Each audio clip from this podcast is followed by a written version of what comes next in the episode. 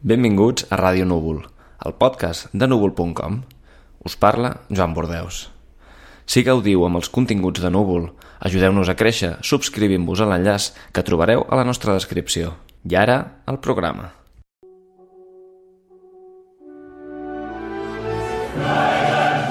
Alegria, vella espurna divina, filla de l'Elisi, entrem, ebris de foc celestial, al teu santuari. Els teus encisos tornen a lligar el que la Convenció ha dividit severament. Tots els homes es fan germans allà on la teva suau ala sojorna.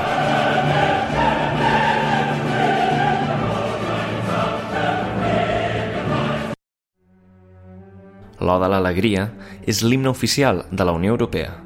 Basat en el poema de Friedrich Schiller que Beethoven va adaptar per al moviment final de la seva novena sinfonia, el text celebra la germanor de la humanitat i la peça és considerada el cim de la cultura occidental.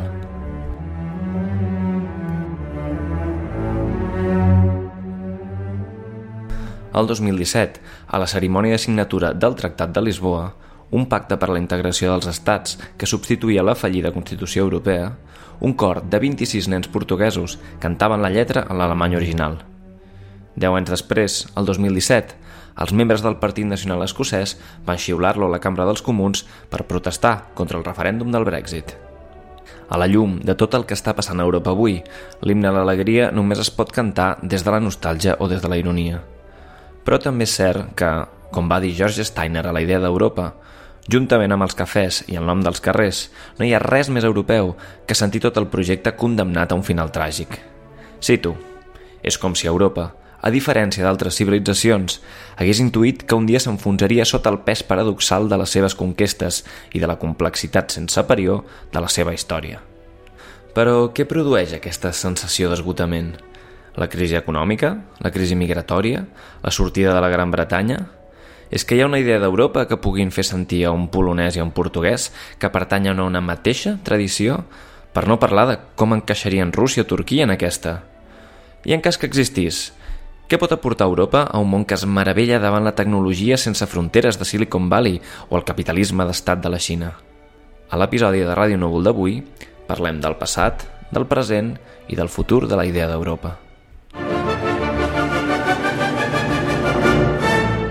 Durant molts anys, a, durant uns anys a Catalunya Ràdio vaig tenir un programa setmanal sobre Europa no? i una de les seccions que, que tenia és que li preguntava gent que no venia de la política, preguntava a cuiners, artistes, científics, actors, què era per ells Europa. Fa més de 20 anys que Carme Colomina parla d'Europa. Primer com a corresponsal a Brussel·les. Avui compagina la feina de periodista al diari Ara amb la d'investigadora al Centre d'Estudis i Documentació Internacionals de Barcelona podríem agrupar tres tipus de respostes, no? més o menys. Hi havia la gent que deia que Europa és la literatura, els llibres, la música, és a dir, la cultura que en el fons tots més o menys hem, hem compartit no? I que, que ha circulat pel, pel continent. Hi havia la, la vessant més històrica que deia no, Europa és precisament el que ens defineix són les guerres que hem lluitat i aquesta relació que, que hem tingut més d'enfrontament de, entre nosaltres. I llavors hi havia la tercera, la tercera visió que deia que que nosaltres ens sentim europeus entre nosaltres i que tenim en comú quan ens veiem fora del continent. És a dir, que un italià i un suec s'adonaven que tenien molt més en comú si es coneixien als Estats Units que si es trobaven a París. La Carme ens parla de la idea d'Europa, avui. Però què vol dir tot això de la cultura i la història en majúscules? Miquel Porta Perales és un assagista català que ha estudiat les arrels culturals d'Europa aquest crític incansable de les esquerres ens parla dels orígens de la idea d'Europa. Existeix un projecte d'Europa que sorgeix per evitar la Tercera Guerra Mundial. No? I el que s'intenta és fer una unió d'estats, posteriorment també de ciutadans, que pugui cohesionar-se al voltant d'un eix que convidi aquesta cohesió. I en principi no és únicament la por a la Tercera Guerra Mundial, no oblidem que la molt civilitzada Europa és, ha estat la protagonista, la protagonista del segle, d'un segle XX que ha estat el segle de la megamort, i allò que els cohesiona, en principi, és l'economia. Per això es comença amb la comunitat del carbó i l'acer, etc. Hi ha la voluntat d'arribar a una, en un futur llunyà, perquè estem parlant del 57, d'una governança europea que encara no existeix I jo crec que els pares fundadors, més d'aquesta idea prosaica, per cometes, d'evitar una guerra i de cohesionar els estats i de retruc als ciutadans al voltant de l'economia, de l'Europa dels mercaders, que en el fons és una idea renaixentista que jo comparteixo, tenien també in mente fer una, una Europa que respongués als ideals, als determinats ideals del que ha estat la història d'Europa. Per exemple, estaria de fer una, de fer una Europa grega, jo grega vol dir doncs, una Europa que reivindiqui la raó davant la superstició, que observi, que experimenti i que, sigui, i que bé, practiqui la democràcia. Hi ha també la, la idea de, de fer o de refer o de construir una Europa romana, la, la llei, la justícia, el compliment de la llei, el compliment de la justícia. També en bona mesura una, una Europa cristiana, que és la que tota la història dels migrants s'està recuperant ara, és a dir, l'Europa cristiana vull dir, no vull dir l'Europa de la transcendència ni del Déu, sinó vull dir l'Europa de, de, de l'hospitalitat, de la solidaritat, fins i tot de la pietat, que sobretot és, és, era una pràctica de determinades ordres religioses dels benedictins, els, els franciscans també intenten fer això. Hi ha, com no pot ser d'una altra manera, l'Europa que podríem dir liberal, per dir-ho així, que és una mica l'Europa de, la, de la ciència, l'Europa de la, de la, de la tolerància, l'Europa del mercat fonamental, l'Europa del, diner, del benefici, de l'afany de lucre, d'alguna manera també l'Europa de la il·lustració. S'intenta construir una Europa a partir d'aquests valors, però en principi ho dic és molt prosaic, molt pragmàtic, no a una guerra, a una altra guerra mundial i col·laborem, cohesionem a partir de l'economia. Llibres, música clàssica, Grècia, Roma... Parlar de cultura europea és començar a llançar idees monumentals i no parar. Però què té a veure tot això amb la Unió Europea? Al cap i a la fi, digue'm quina política fas i et diré quina cultura ets.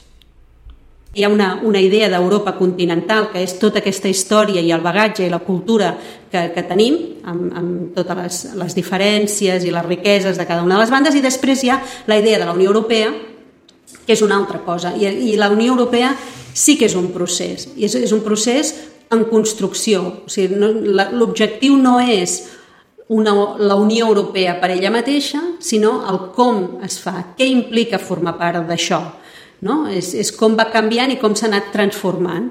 I aquest procés és el que s'ha anat canviant tant des dels sis estats que la van formar als 28 d'ara, que el risc que corre ara, precisament aquesta idea d'unió, és que, que ja no té res a veure amb l'original i que s'ha transformat tant que s'està perdent una mica l'essència, que és l'essència aquesta del consens, del bé comú, de la solidaritat, eh, de dir, d'aquella negociació de dir, és veritat, nosaltres perdem per aquí però guanyem per allà.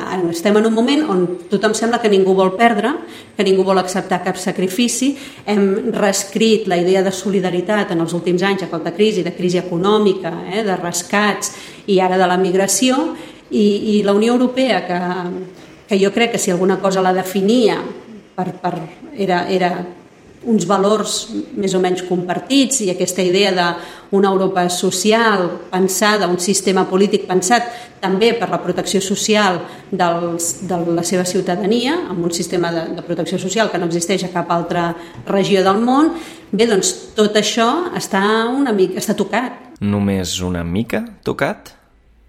Aquesta mateixa Europa està construint una, una història o un relat sobre ella mateixa que nega la pròpia realitat. No? En el sentit de que si parlem d'aquests discursos de la por que veiem últimament, no? d'aquest discurs xenòfob, d'aquesta demanda constant d'enduriment de les polítiques migratòries a la Unió Europea quan les xifres demostren, per exemple, que en aquest últim any les arribades de, de persones a la Unió Europea han caigut dràsticament, però fins al punt que Itàlia, on acaba de guanyar un govern, eh, on hi ha un partit mm, feixista, bueno, doncs diguem xenòfob com la Lliga Nord, eh, xenòfob, eh, durant aquest primer semestre de l'any ha arribat un 80% de persones menys que l'any passat. Aleshores, el discurs polític va per una banda i la realitat va per una altra.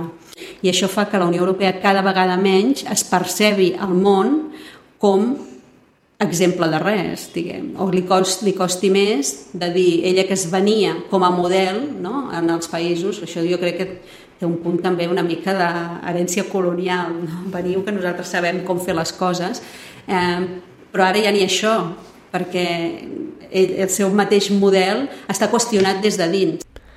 La Carme ens explica que la Unió Europea per força per la distància que els ciutadans percebem entre els fets i les paraules i per parlar d'aquesta hipocresia ha sortit la idea de colonialisme. El discurs que avui intenta tapar i racionalitzar el passat colonial és tan europeu com la banca suïssa i últimament s'expressa en la distinció entre migrants econòmics i refugiats. En el fons hem de filar una mica més prim. Um, moltes d'aquestes migracions provenen de països que havien estat colonitzats per diferents països i aquests països van ser colonitzats es van començar a establir unes migracions a partir de la descolonització dels anys 60 endavant que han anat cap a la, la mare pàtria, si volem dir d'alguna manera, no? La Yolanda Xalà és antropòloga, experta en descolonització i multiculturalisme.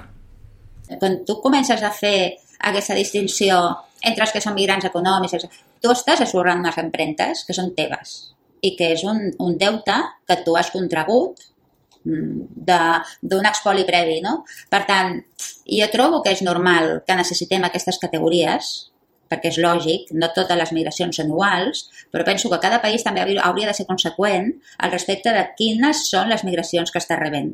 I en els casos que hi ha uns lligams, uns lligams colonials o un, passat que, que, que d'alguna manera obliga a aquesta entesa, eh, segurament eh, això s'hauria de fer d'una altra manera.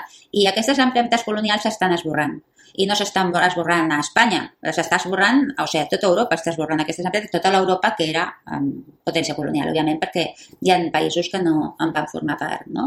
Uh, llavors, quan tu categoritzes migrant econòmic, diferencies de refugiat, de refugiat polític, bueno, en el fons tu estàs intentant posar una mica d'ordre de quines són les persones que hauries de garantir que tinguessin entrada en el continent, però o, o, qui decideix qui és un refugiat polític i qui no ho és, perquè en realitat el, el, el sistema de dictadures i, i autocràcies que hi ha a diferents països del món és tan forta que, que eh, és molt difícil que tu em diguis que un país són migrants econòmics, però en realitat es poden ser eh, categoritzats també com refugiats polítics, si ho mirem des d'aquesta vessant, o en grups col·lectius molt, molt concrets com és la GTB, o sigui, grups eh, de persones que són perseguits eh, per altres temes que no siguin pròpiament polítics. No?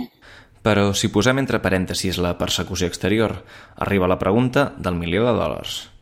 Un cop a dins, què? També té, com a periodista internacional, diguem, no he cregut mai en el xoc de civilitzacions. Hi ha una utilització molt clara d'aquestes pors amb finalitats polítiques i per mi la demostració més clara és que molts d'aquests partits que ara són clarament xenòfobs eh, fa 10 o 15 anys el seu enemic era un altre no era l'islam o no eren els migrants que han arribat a partir del 2015. No? Fa 20 anys, el Front Nacional, o 25 anys, eh, el pare de la Marine Le Pen, el Jean-Marie Le Pen, el seu discurs el que era era antisemita, eh? llavors era eurosèptic i, i la seva filla canvia l'antisemitisme per l'antiislam. O sigui que també jo crec que hi ha una sèrie de, de partits polítics que el que han fet és canviar d'enemics, entre cometes, precisament perquè eh, donava uns rèdits electorals, perquè hem vist que explotar aquestes pors també eh, els hi facilitava doncs, créixer electoralment. Així doncs, tot és politiqueria. No hi ha res de xoc de valors ni de marcs mentals incompatibles? Dels valors, els valors europeus, jo particularment, cotitzen molt alt. Ara bé, tu pots, si jo dius els valors, no sé, mira, la democràcia, l'hospitalitat, etc. Bueno, o sigui, un senyor que ve de fora i diu, escolta, jo no m'agrada la democràcia, jo no estic no estic d'acord amb, amb la democràcia, jo no vull saber res amb l'hospitalitat, etc. A mi em sap molt bé que ho sigui, però que, que alhora en la seva acció diària continuada compleixi la llei. Probablement el gran valor romà és el compliment de la llei. El compliment de la llei. La llei marca, com diuen ara, una línia vermella. Tu compleixes la llei, estiguis aquí, i si no compleixes la llei, home, i estàs dintre, doncs hauràs d'assumir les conseqüències, que pot ser l'expulsió, la presó, la suspensió de, de, de determinats drets, però el, per mi, el, a veure, El criteri per viure en una, en una societat com l'europea és el del compliment de la llei. Si tu ets o no ets demòcrata, és el teu problema.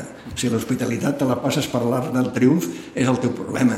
Però ah, per conviure amb els ciutadans, la ciutadania no és gratuïta. Aquest és el peatge que han de pagar tots, en benefici de tots. I que encara farem 3 de 3 contra la teoria del xoc de civilitzacions. Eh, hem d'entendre que aquesta homogenització cultural suposada dels països era un imaginari col·lectiu. Però era un imaginari, mai ha estat real. Mai ha estat real. Podem veure a Espanya. Això és un invent. Espanya és un invent. Vull dir, a Espanya hi ha molta diversitat, també, no? Per tant, que tu diguis que ets homogeni no vol dir que et podràs a la pràctica. Llavors, e, és evident que aquesta convivència a la diversitat té molts reptes. Jo, de, de tots els, els sistemes de gestió de la diversitat que he estudiat, trobo que el que ho ha resolt millor és a, és a Gran Bretanya. Perquè Gran Bretanya el que ha fet és deixar a banda el tema cultural i treballar a partir de, de la meritocràcia i de ser el millor. I, i eh, és obvi que podem trobar alguns col·lectius que tenen més dificultats d'accés en, en aquest, amb, amb, amb l'ascensor social, però en realitat en la pràctica és un sistema que funciona bastant bé. I això no posa en dubte el ser de Gran Bretanya, no? el sentiment de pertenença amb el fet de ser britànic si, el que necessitem és explicar a la població que mai més seran tots iguals. Mm. que ja no ho eren, però és que a més ja no ho seran mai més, no? Si nosaltres expliquem això amb claredat, serà molt més fàcil aplicar polítiques de multiculturalisme.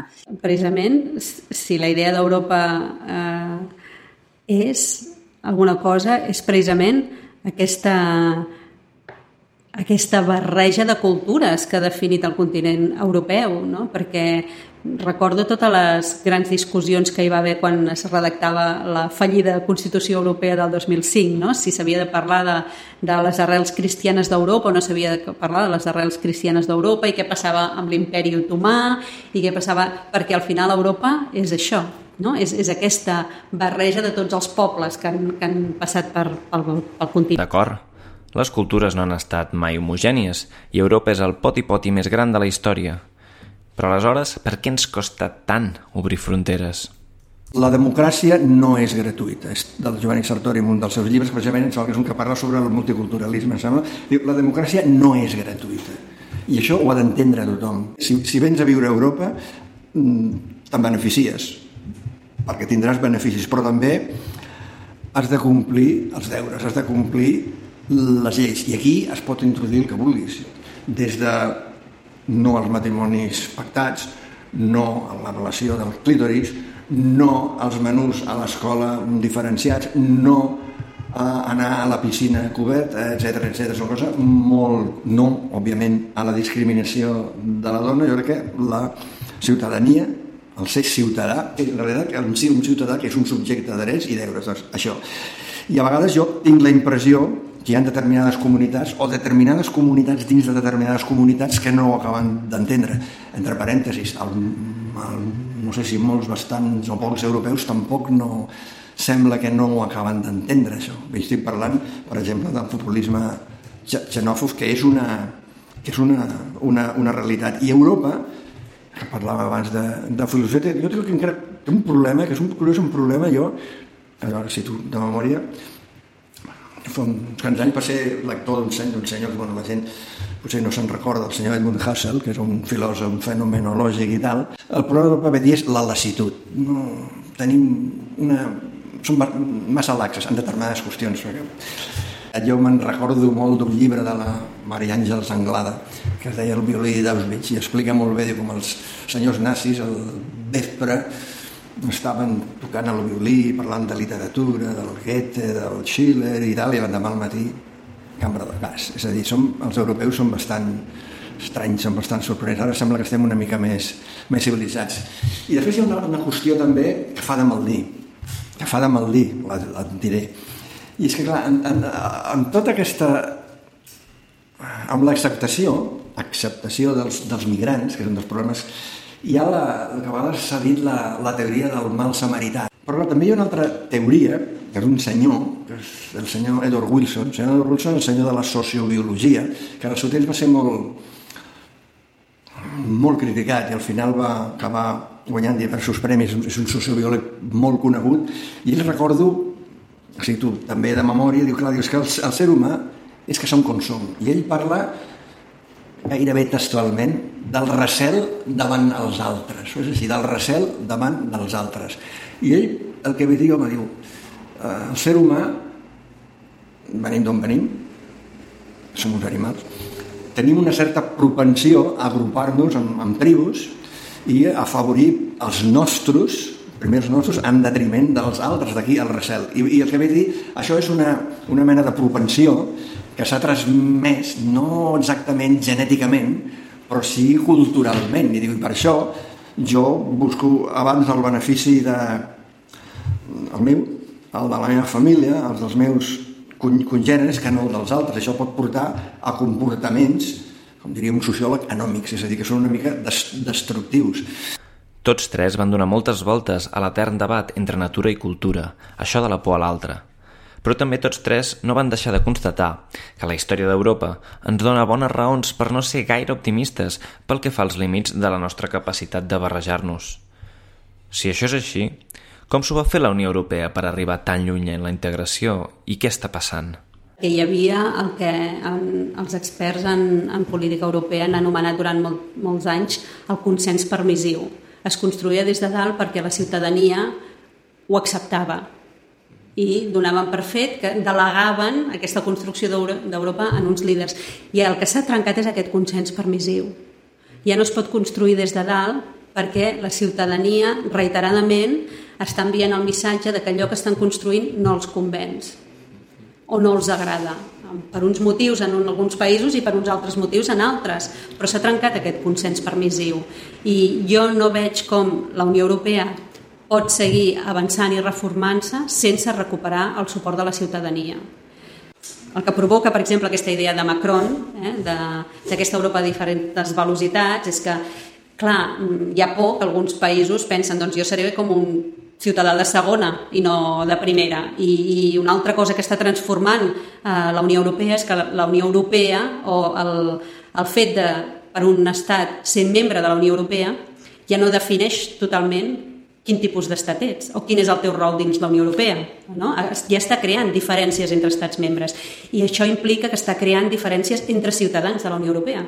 No tots els ciutadans de la Unió Europea tenen exactament els mateixos drets perquè depèn en quines cooperacions està participant el seu estat membre o no. I això sí que és una cosa completament diferent.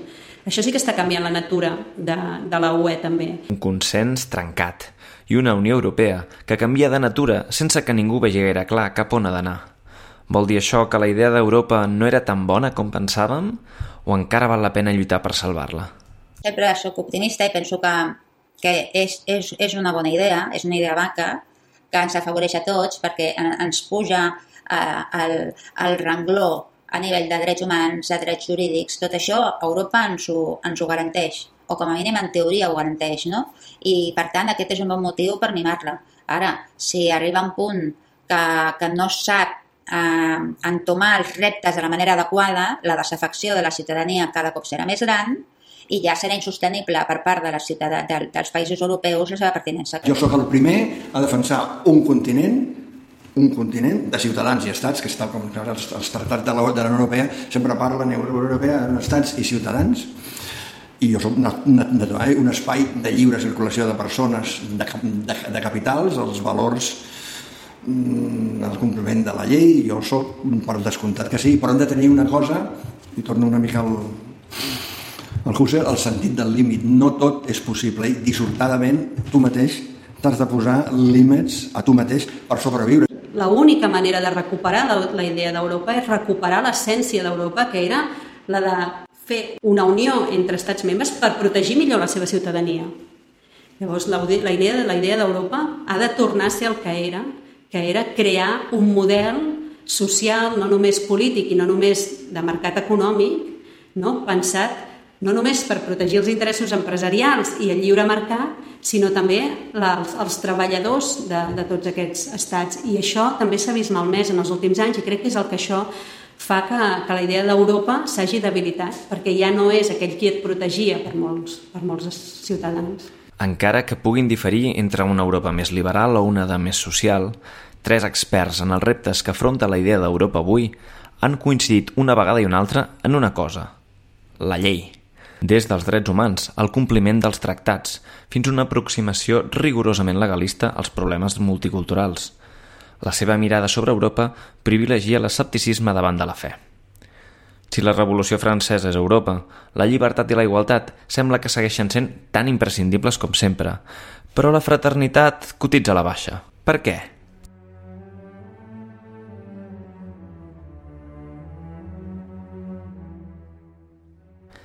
Hem començat el programa parlant de l'O de l'Alegria, precisament un cant a la fraternitat humana.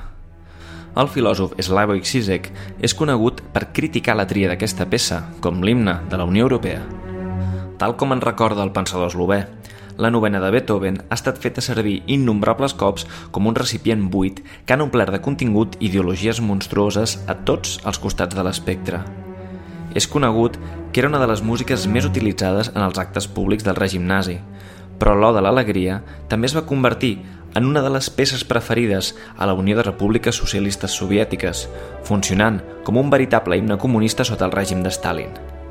Però és que, a més, durant la Revolució Cultural Xinesa, quan gairebé tota la cultura occidental estava prohibida per Mao i els seus, la novena estava permesa i definida com una peça molt progressista – la llista és gairebé infinita, perquè, segons Sisek, la sublimitat de la peça s'utilitza en realitat com una excusa sentimentaloide, que blanqueja les diferències reals en nom d'una harmonia fraternal que no només és kitsch, sinó que també és molt perillosa.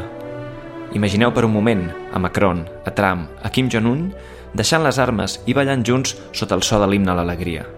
Funciona. Crec que la idea d'Europa s'associa massa vegades a aquesta grandiositat, a la sublimitat de l'alta cultura i dels grans noms, que ens porta a sospirar per una fraternitat perduda que, quan ho pensem bé, mai va existir. En canvi, oblidem que l'Europa grega neix amb la ironia socràtica, amb la capacitat d'autocriticar-se i qüestionar els consensos perillosament estesos. Aquesta tradició segueix amb l'Europa de la il·lustració, la de l'imperatiu moral kantià que separa l'àmbit públic del privat, que exigeix respecte per la universalitat de la llei, però no pas amor.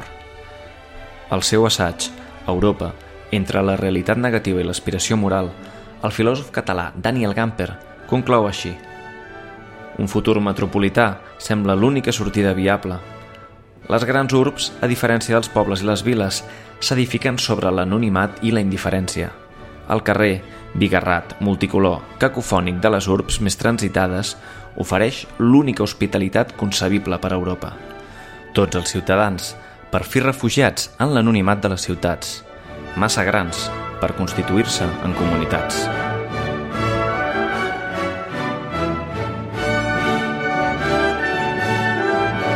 Ep, que ja em deixava portar. Ah, així són Europa. Potser no és tan bonica com l'Europa que recordàvem, però potser s'assembla més a l'Europa que necessitem.